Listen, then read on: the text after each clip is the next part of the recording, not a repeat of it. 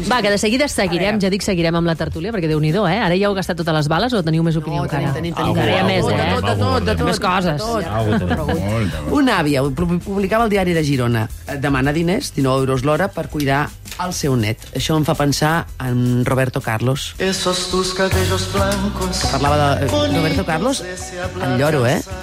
I té alguna cançó bestial, eh? O sigui, el gato que està trist i azul a mi em fa plorar. I aquesta igual, eh? De veritat, eh? és molt bèstia. Jo eh, crec en la tribu. Eh, tribu vull dir eh, no exactament els familiars només, però també. I això quan tens persones al càrrec, per exemple, unes canalles o, diguem, també unes mascotes, eh, gent gran, ho entens molt bé. La tribu un dia t'ajuda i tu un dia ajudes a la tribu. Jo et recullo el fill i me'l quedo si tu estàs malalt o si vols sortir i tu fas el mateix per mi.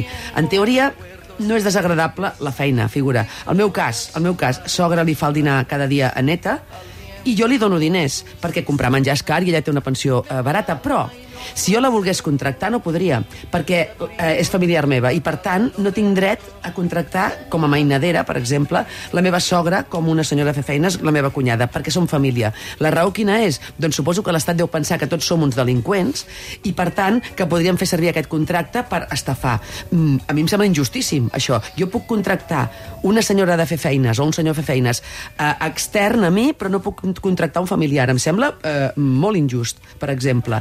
Eh, si jo vull contractar mm, una mainadera eh, o un, un cangur, eh, l'hauré de contractar amb negre perquè, o, o fer-li un bisum. És a dir, hauré, d'estafar, per exemple, a l'Estat, no? La meva sogra és feliç de fer el dinar a la seva neta i la seva neta és feliç d'anar a dinar amb la meva sogra. De petita la va tenir a casa als matins i aquesta neta un dia espero que la cuidarà ella si cal. Naturalment, un avi es pot negar a cuidar el net o pot posar-hi restriccions.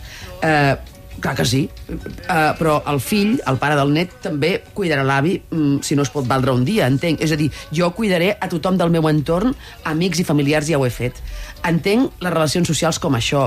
Mm, Jo, aquests dies, he anat a cuidar els, els gats de ma sogra perquè la meva sogra ha marxat de viatge a cuidar una amiga malalta. És, és a dir, tribu. Eh, L'amiga malalta es quedava sola perquè els fills treballaven, tribu.